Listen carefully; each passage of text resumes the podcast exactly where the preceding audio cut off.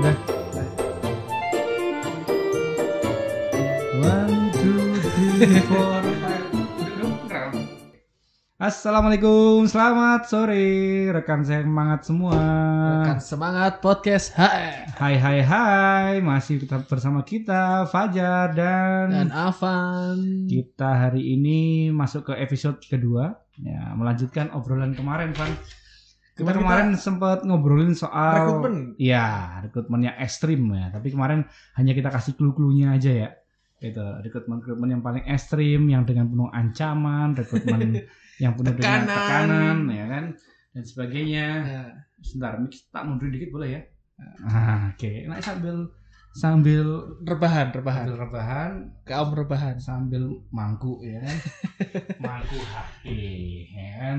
Oke, kita lanjut ke yang pembahasan kemarin nih, Van. Ya. Kemarin saya baru cerita sedikit aja tentang rekrutmen yang paling ekstrim lah, gitu kan. Iya. Paling ekstrim atau rekrutmen rekrut orang dengan penuh ancaman atau rekrut hal-hal atau orang-orang yang ya yang aneh, yang lucu dan absurd lah gitu, Ah. Van. Oke, Kemarin Avan udah banyak, gue udah banyak cerita tentang pengalamanmu. Ya. Nah, sekarang saya mau sharing dikit lah, gitu kan, tentang pengalaman saya yang pernah ya, saya Ya. bilang yang pernah. Yang pernah, yang, Yang pernah dialamin, ya, yang, pernah dialami, dilakuin. betul yang pernah dialami di HR recruitment ya. Karena saya tuh jadi HR recruitment itu singkat Pak.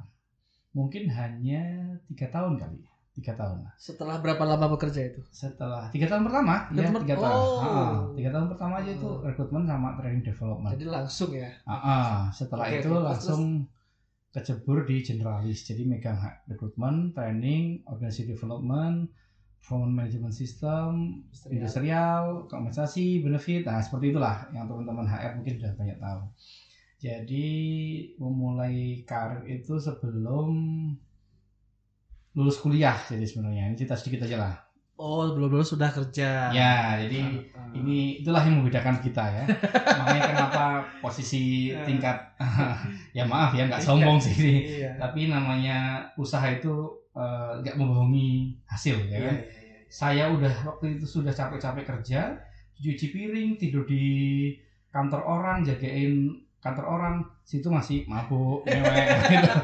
jadi ya Dunia Dunia. yang fana ini. jadi ya ya hasilnya ya you know lah oke oke Lama-lama enak. kan pencitraan coy kalau anak gua denger kan wah bangga bangga walaupun juga kalau pas ketemu juga biasa aja oke jadi aku mulai kerja itu 2009 2009 masih kuliah akhir itu kerja pertama di konsultan ada satu satu konsultan lah HR di Jogja Hmm. yang kebetulan punya senior kita kebetulan ini kita satu kampus ya Van ya Ya. satu kampus Beda angkatan. beda angkatan Selisih satu lah. ya se- selisih satu tahun cuma sebenarnya saya lebih tua setahun lagi karena saya dulu pernah kuliah kagol Terus Anda bangga. yang penting kuliah negeri dulu nggak pernah ngerasain UMPTN tapi kuliah negeri Dari negeri ke swasta ya. yo Oh, emang. itu menunjukkan Emang. saya tuh gini saya tuh ingin membuktikan ke orang bahwa orang tua saya tuh mampu Heeh. Bang. Heeh. saya nggak sombong sih gitu congkak aja Itu bukan karena goblok aja. jadi kalau kuliah negeri waktu itu udah kuliahnya negeri apa dapat beasiswa kayaknya aduh kuliah kok gini amat ya Heeh. kayak nggak ngeluarin duit Kurang gitu adrenalin ya. Ah, kayak nggak ngeluarin duit gitu adrenalin ya. aduh kok aduh orang kuliah kan wah saya pengen kuliah yang bayar lah gitu kan walaupun juga ujungnya juga beasiswa juga gitu kan gitu jadi cabut beneran kayak oke lanjut jadi mulai kerja itu di konsultan Ini- HR HR sombong itu namanya. kan belum ada kan Oh iya. ini soalnya kan saya udah bilang kan ini media saya untuk Curhat lah. curhat untuk cerita karena selama ini saya nggak pernah cerita ini ke siapa pun karena Hmm. kalau HR tuh image-nya harus jaim coy Iya. jaga image pokoknya di kesannya depan karyawan-karyawan ah, gitu. ah, ya kan kesannya kayak nggak punya masalah Iya. ya kan padahal Banyak. cicilan juga banyak gitu. 2009. 2009 2009. 2009 kerja di konsultan lah itulah titik mulai saya belajar tentang rekrutmen di situ saya diajarkan kalau kebetulan kita ini S1 nya psikologi ya kan ya. Kan kalau di S1 psikologi itu nggak boleh menginterpretasi Scoring gitu. skor, nggak boleh ya. scoring boleh Oh. menginterpretasi alat Alat tes tes, yang boleh ah. kalau scoring boleh dan sebagainya nah Nah, waktu itu karena saya apa ya tertarik, akhirnya saya mengulik lebih jauh sampai akhirnya saya minta sama yang konsultan itu untuk jaga eh, jaga di kantornya. Jadi kerjaan saya selain jadi mak ya saya nyebutnya magang lah ya. Magang di situ, malamnya saya jaga malam. Nah, sorenya nyuciin piring. Lebih ke. OB ya.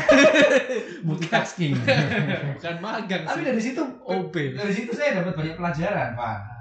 Saya akhirnya kan sering ketemu sama ya konsultan-konsultan yang lebih hebat lah. Belajar dari, dari mereka. Kemudian karena saya jaga malam, akhirnya banyak dokumen-dokumen yang saya pelajari. Nah, lebih tepatnya mencuri, mencuri ilmu.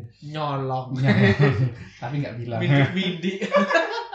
Akhirnya saya banyak sekali ilmu di situ lah. Ah, setelah dari situ kemudian sempat kerja di manufaktur lah gitu kan pabrik pabrik elektronik lah di situ enam bulan kemudian kerja di konsultan lagi kemudian ke Masih. HR ya, rekrutmen ini ya? Masih masih. masih masih masih rekrutmen linear ya? masih linear sampai terakhir itu di eh, saya mulai nggak megang rekrutmen di, di eh, sebuah perusahaan owner tambang gitu kan Ah. adalah grup besar kalau sebut saya sebutnya anu lah clue-nya adalah eh, bahasa Inggrisnya roti lah gitulah grupnya itulah roti grup gitu. Bread.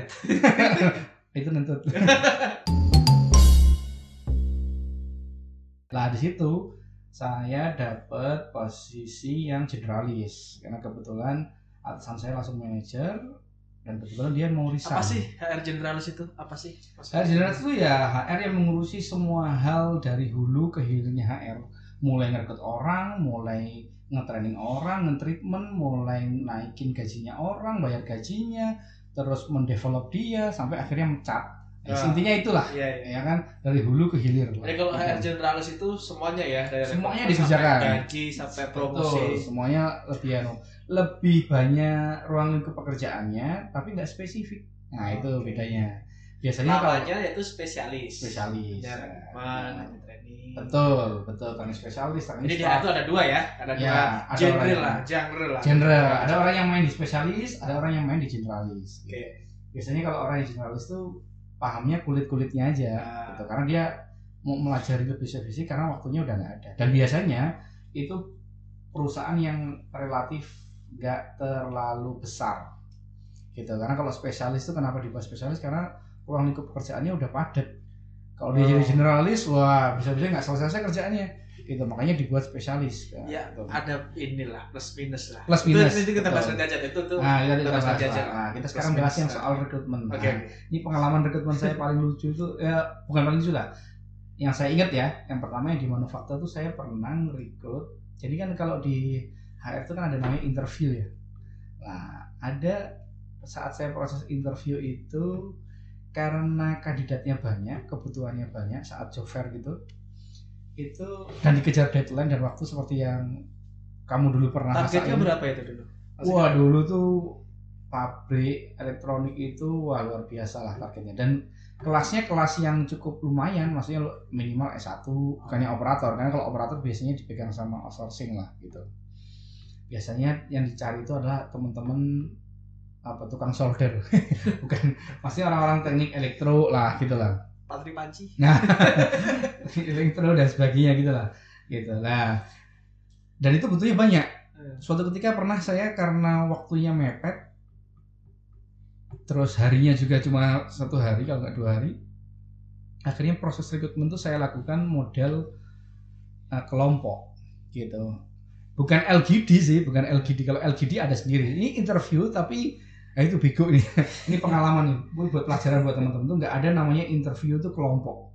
Kalau ada tuh namanya FGD. interview kelompok itu gimana? Jadi gini, Nah, misalkan lu kandidat, ah, ada yang kandidat lagi karena ini waktunya udah mepet ya, udah mendekati jam 12 malam lah ibaratnya gitu. Ya udah, interview jam 12 malam. oh saya dulu waktu zaman kerja di kontraktor di daerah Kalimantan itu ngin- nginterview mulai kerja, mulai nge- ngasih tesnya aja Eh, itu jam 10 malam. Lu bayangin loh. Selesai itu subuh, adzan subuh. Gitu. Kenapa? Karena di industri itu kan sistemnya shift ya. hmm. Kerjanya shift pagi, siang, sore. Ada yang pagi sama malam aja gitu kan. Pagi sampai malam ada dua shift. Nah, waktu itu kebutuhannya kita bajak perusahaan lain lah. gitu. Oh, Jadi ada oke. kontraktor lain Ah. yang lagi ya lagi selek lah. kandidat. Ya, gitu lah, ambil kandidat. Lagi selek lah di setnya mereka, saya datengin. Gitu, saya datengin. PDKT. Wah, cari satu orang paling anu lah, paling berkuasa. Dulu kita nyebutnya sistemnya rekrutmen cowboy. Ah.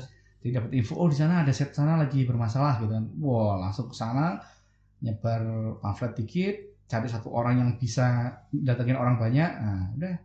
Nanti mereka misalkan mereka kerjanya shift pagi, ya udah habis mereka shift pagi selesai, shift malamnya kita datengin.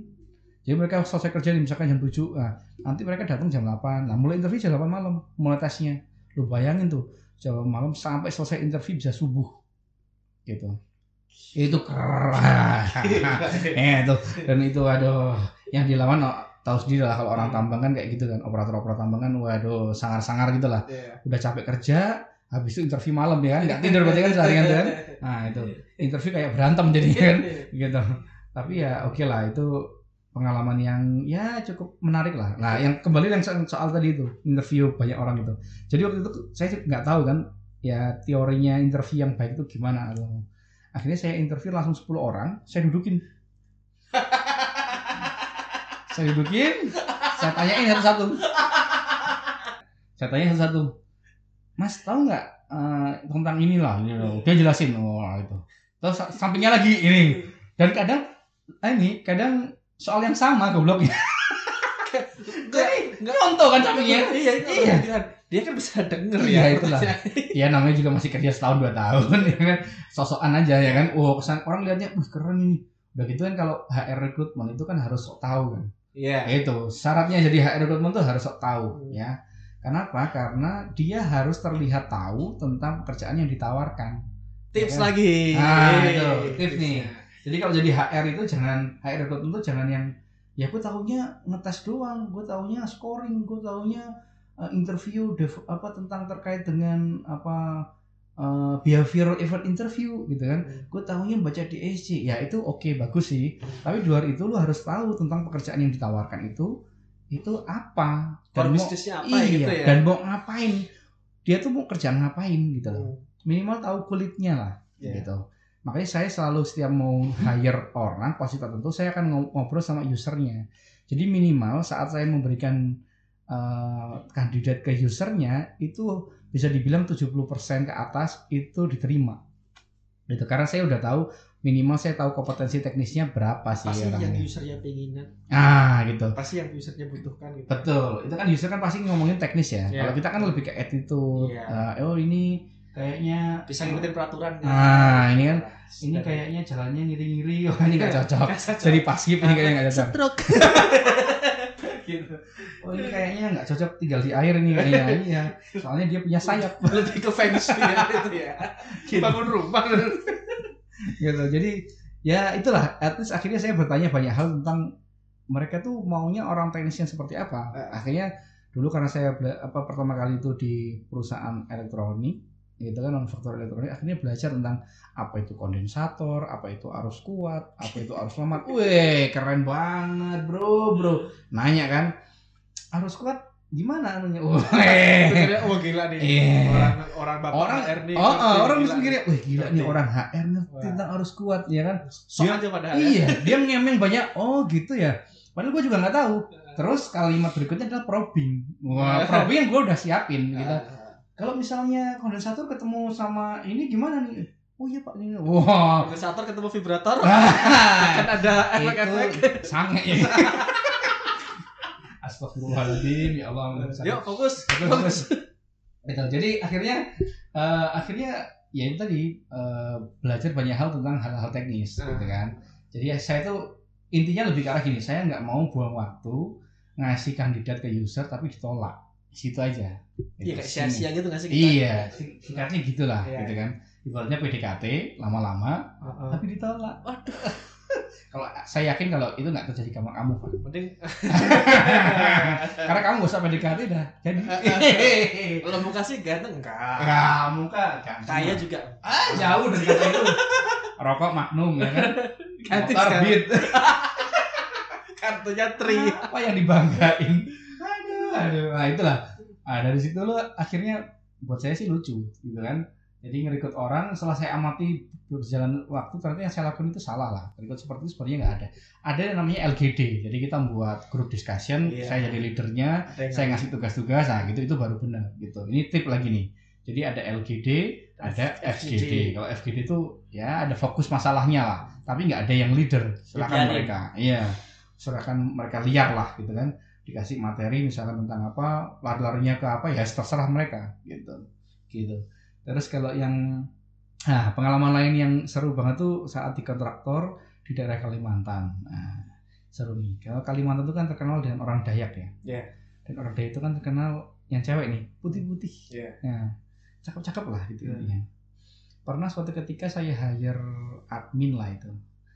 HR admin, kemudian ya singkat cerita pokoknya. singkat cerita Kita akhirnya- langsung skip aja bagiannya ya. Skip. Lanjut aja lah. Singkat cerita pokoknya ya kayaknya oke lah ini kalau ah. buat jadi Ya cantik temen iya. lah, ya buat temen ngobrol saat Ah. di set karena kalau teman-teman bayangin lokasi di set tuh lokasinya di tengah hutan temennya itu itu aja 4 L lu gue lu gue ya kan terus habis itu kebanyakan hampir 90% cowok Anak STM aja di kota sering tawuran ya. Nah, Ini anak iya. STM di hutan. oh iya apa enggak ribut terus ya kan Kan nggak bacok-bacokan dong Nah, syukur. kemudian ada cewek cakep satu, Iya. wah walaupun mukanya entah kayak apa, ya kan? Wah itu jadi prima dona itu yakin. Gue bayangin kalau misalnya di sana di set itu, gak usah cewek lah, ada sapi aja di sana cewek, betina, Dikawinin kayaknya. habis kayak gitu beneran, ya kan? Karena mereka kan butuh pelampiasan ya, Heeh. kan nggak mungkin dikenal pot dump truck kan, gede, Anget sih iya. kosong gitu iminnya. Nah, Jadi singkat cerita akhirnya ya keterima kemudian dekat. Nah, ternyata dia punya pacar cuy Ah. gitu. Nah, saya sih juga nggak ngapa-ngapain juga, bukan nggak- belum sempat ngapa-ngapain sih Heeh. gitu ya. Cowoknya nggak terima, terus orang asli sana kan. Waduh. Pulang ke ini, Udah nggak ngapa-ngapain ya? ya nggak ngapa-ngapain cuma ya karena deket aja karena Deketan atasan sama iya uh, gitu. staff gitu. Mm-mm. Datang lah si pacarnya marah-marah ke gua. Itu lah harus pulang kerja gitu. Iya, gitu. Di depan security lah kalau di terus tambang itu kan ada security-nya gitu lah. Terus marah-marah dia. Wah, Saya bilang, "Ya, iya emang urusan sama saya apa itu?" Enggak marah-marahnya gimana? Ya, di, karena- di, di stop nih, di stop lu di Ah, stop. terus dia marah-marah. Marah-marah itu karena uh, alasannya itu karena uh, kamu nerima karena pasti ada ini ya. Lah. Oh, Ada pak. ada rencana yang inilah gitu kan. Langsung dalam hati, "Oh, kok tahu? iya ya, Kegep. ya. Enggak lah. gitu. Ya singkat cerita akhirnya di situ sampai akhirnya akhirnya ya sudahlah akhirnya saya pindahkan tempat tugasnya gitu. Ya itu yang pertama. Yang kedua ada lagi Tapi nyesel kan? Dikit nggak sempet nyolek. yang kedua ada lagi ngerekrut ya orang asli sana lah. Kan di sana tuh kan selalu menyebut dia orang asli. Kalau kita bilang Oh, akamsi lah. Pride-nya Ah, ya, pokoknya- pride-nya. Lu nambang di tempat gua, lu harus mempekerjakan orang asli sini dong. Heeh. Padahal kalau udah sisilanya, lah orang tuanya lahir di Makassar. Dia lahir juga di sana. Di sini baru SMP. Gimana? Orang asli dari mana saya bilang gitu kan? Karena tapi orang yang mengaku asli banyak sekali di sana. Ah. Dan pernah suatu ketika akhirnya terikut karyawan, kemudian nggak nggak lolos nih orang yang kebetulan yang ada premannya sana lah, ada premannya sana yang minta tolong saya itu untuk masuk ternyata nggak lolos. Iya. Kemudian datanglah dia ke mes saya yang di di kota lah di tengah kota saya ke sana Datang gitu aja. ya, datang marah-marah dia mana sih lu terus saya jelasin lah waktu itu ya ya ke elegan lah saya jelasin ya kan Ah, pak ini tuh kita meng-hire orang-orang yang siap kerja untuk di pekerjaan yang sifatnya teknis saya ah, masih zaman HR lah itu. Ya. itu kan anu lah. Karena yang kita kita tuh kita tuh kerja taruhannya mati pak saya bilang. Nyawa. Kok bisa? Nah sekarang gini dia bawa unit truck yang besar saya bilang itu. Jadi dari dulu di tambang tuh orang orang tambang tambang tahu lah namanya HD 785 yang tingginya bannya itu mas setinggi rumah lantai dua coy. Ya kan? Setinggi rumah lantai dua. Dan itu kalau bocor nggak bisa dibenerin. Harganya seharga Livina sama segitu 160 juta. Kalau baca didoain kan. gitu. Makanya saya dulu, dulu pernah usul kan. Kenapa nggak ban-ban itu divulkanisir ya? kayaknya usahanya lancar ya di sana vulkanisir ban HD? Weh, prestis sekali. Ya kan gitu. Ya singkat cerita akhirnya dia masih nggak nggak marah-marah lah nggak marah. Nah, terus ah, ini saya merangkum ini ya merangkum ceritanya langsung ya. Jadi akhirnya marah-marah nggak terima tapi ya sudah dia pergi gitu. Karena ada teman saya yang lain akhirnya dia pergi gitu aja. Ternyata orang ini tuh ya kenalannya bos lah di perusahaan itu. Hmm. laporlah ke bos ya level direktur gitulah gitu Wah. kan. Eh, kalau di sana levelnya apa ya? Kayak saya nyebutnya DPM lah deputy project manager lah gitu. Dia langsung datangin saya si bilang mas Ojar tolong ini harus masuk nih soalnya gitu. Bapak ini hasil tesnya kurang bagus saya bilang. Bahkan jelek saya bilang gitu. Terus ini secara teknis dari teman-teman teknis juga nggak oke. Oke. sedangkan pekerjaannya cukup apa riskan saya bilang gitu kan. Oh tetap ngotot gitu lah. Itulah ini salah satu HR yang dihadapkan pada kondisi Ya. apa ya orang bawaan lah tanda kutip orang bawaan lah. Nah, kalau udah kondisi seperti itu daripada kita capek nanggepinnya nah. kita capek nambah musuh ya kan dan nggak ada solusinya kalau kita mau otot-ototan secara teknis Hmm. akhirnya saya bilang ya sudah pak kalau mau dia masuk silakan nggak apa-apa. Nanti saya juga bilang akan ke usernya juga. Saya bilang tapi bapak tanda tangan di sini nih. Saya dulu udah nyiapin surat lah. Itu surat seperti surat pernyataan. Hmm. Yang menyatakan bahwa Yang deputinya itu tadi. Ah, ah, yang menyatakan bahwa orang ini sebenarnya tidak lolos secara tes dan sebagainya tapi di secara langsung apa ya dijamin lah oleh si orang itu gitu loh. Oh. Jadi itu surat jaminan lah Iya, gitu iya. kan. Ya oke nggak apa-apa, akhirnya ditantangan. Singkat cerita, ya karena saya, saya tadi bilang kan, ini kan resiko pekerjaan operator itu kan operator tambang itu kan high risk lah. Singkat cerita dua minggu berjalan, insiden cuy, Kenapa dia? slippery kalau bahasa tambangnya slippery, slippery itu Oh, kepleset lah. Kepleset. Ah. Oke. Jadi dia mau naik tanjakan, kemudian bannya traksinya nggak oke, slippery, masuk ke jurang. Hmm. Orangnya sih nggak apa-apa, Alatnya. alatnya mahal gitu M gitu bukan bukan 2500 itu harganya itu gitu udahlah wah di kecelakaan tambang itu kan hal yang biasa terjadi tapi juga penanganannya juga sangat spesifik kan. Ya. akhirnya wah rame lah. Safety officernya mulai investigasi dan sebagainya. Investigasi itu pasti dimulai dari HR Oh gitu. ya ah, gitu. Investigasi terakhir pertama kali itu pasti dari HR yaitu adalah dia dulu direkrutnya di mana terus tesnya gimana Oh, historinya oh historinya dikasih tahu tuh di situ. Investigasi ya. iya. Nah di situlah muncullah surat itu tuh. Wah saya bebas masalah dong Oh. ya kan? Kena lah si DPM itu. Nah dari situlah akhirnya uh, benih-benih permusuhan terjadi. Gitu lah. Kalau orang pernah kalau orang pernah kerja itu ada namanya office politik lah ya. Iya. nah itu saya bisa dibilang kena office politik lah ini sama DPM-nya gitu. Singkat cerita seperti itu. Jadi nah, itu salah satunya. Nah, salah duanya lagi saya pernah juga sama ngerekrut orang kemudian rekrut orang kemudian apa namanya eh, yang bersangkutan nggak lolos kemudian ngancem cuy Jadi ngerekrut orang interview, Mm-mm. terus dia nggak lolos. nggak lolos nah, si orang itu ngancem Saat itu juga. ngancemnya di tempat la- biasanya sih via SMS Oh terus terus. Ya kan? ngancem oh, awalnya saya tanggepin lama-lama kan nggak saya tanggepin karena yang melakukan hal seperti itu banyak Oh iya? jadi oh saya dulu waktu kerja di kontak tambang diancam via SMS telepon telepon telepon gelap surat kaleng itu hal yang biasa gitu hal yang biasa itu di industri tambang di HR recruitment itu hal biasa. Pakai nomor gelap ngomong pak tolong no- apa orang ini harus masuk syaratnya dia putra daerah gitu. kalau tidak nanti bapak akan bermasalah dengan suku ini gitu kan. Terus atau ada lagi pak kalau bapak masih ingin kerja di tambang ini ah, tolong atas nama ini disebut anu keterima seperti itu. Iya. dan itu disebutkan namanya. Anjir gue bilang ah ini yang punya perusahaan siapa? Yang anu siapa? Gitu kan. Gitu untungnya waktu itu saya punya project manager jadi atasannya yang tadi itu yang DPM itu atasnya itu yang orangnya wah pasang badan. Nah, jadi selalu bilang Mas Fajar pokoknya rekrut aja orang yang kompeten yang baik ya kan? Yang sesuai kriteria Mas Fajar dan user saya pasang badan kalau ada masalah. Nah gitu. Jadi selama ada itu pasti selalu dia pasang badan. Masalahnya dia nggak selalu ada di situ. Cuti dong. ah dia kan dia nggak mungkin ada iya di situ dong kerja tambang kan pasti cuti kan? Nah, Nah, saat dia cuti adalah yang itulah. Entah saya lupa ini kapan dia rekrutnya saya juga lupa. Tiba-tiba datang masuk ke ruangan saya. Saya disodorin mandau. Hah? Sodorin mandau gitu aja, Van. Lu beli atau enggak diajak ngarit